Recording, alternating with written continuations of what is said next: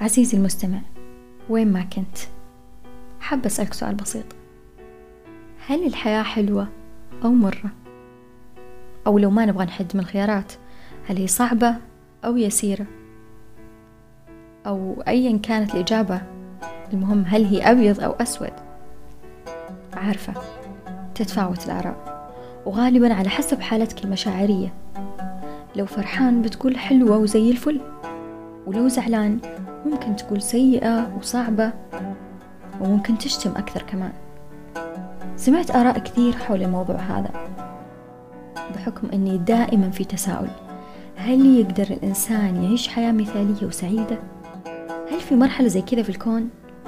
أو إنه مجرد وهم؟ الغالب بيقولون الدنيا بطبيعتها أرض شقاء أو ممكن حتى يقولون الدنيا نار المؤمن لا تنصدمون أكيد سمعتوا الشي هذا من قبل في ناس يقولون السعادة مو في إنك تعيش حياة بدون مشاكل أو هموم لأنه وبين قوسين مستحيل.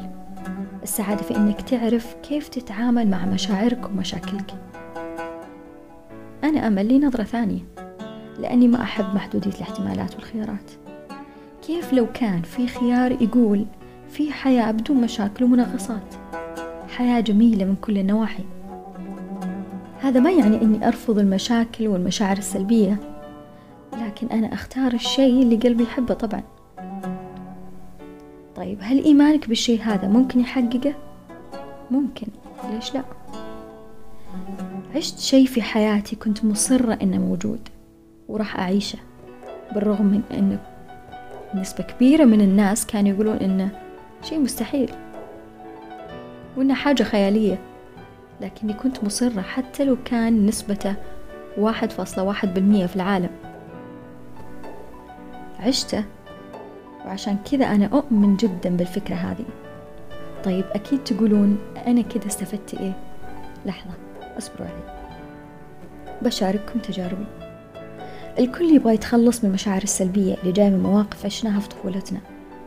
كيف لو كان الحل إنك تجلس قدام نفسك وتقول أوكي عارف إني أحس بالشعور الفلاني سواء كنت تعرف الموقف اللي سبب هذا الشعور أو لا. قل أنا عارف ومتفهم إن الشعور هذا جاي يوصل لي رسالة وأنا أسمح له بالتحرر.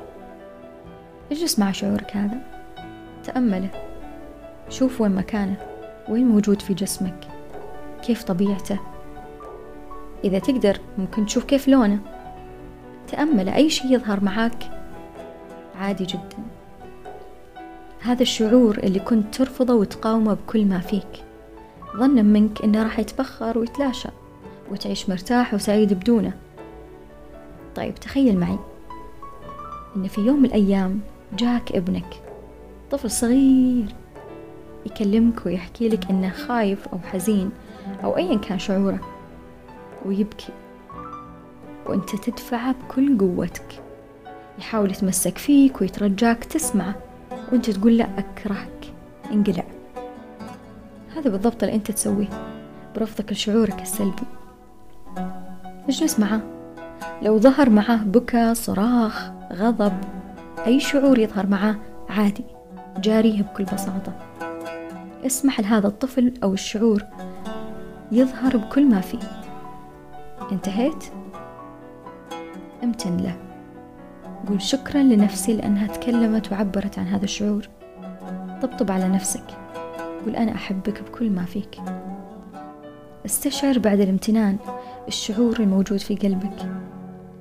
تقدر تحط يدك على قلبك أو أيا كان الشيء اللي تسويه لكن استشعر جمال الشعور هذا.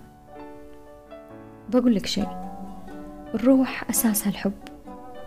المواقف الصعبة والصدمات تراكم المشاعر السلبية وتحجب جمال الحب الحقيقي الموجود في أرواحنا في كل مرة نفرغ شعور سلبي نسمح للحب بالتدفق فينا إيش الرابط طيب بين موضوع الحلقة والكلام هذا؟ خلينا نعتبرها الخطوة الأولى للحياة الحلوة اللي كلها ضحك وسعادة وبهجة وحب وسلام ومشاعر كثير حلوة أكيد كلكم بتقولون طيب أنتي هل وصلتي للحياة هذه؟ الجواب هو لا ما وصلت. لكن اللي أعرفه أن أنا الآن أعيش في وضع وحياة أجمل مما كنت عليه في السابق. أشعر بالحب حتى لآلامي. رسالتي الأخيرة احضروا أنفسكم.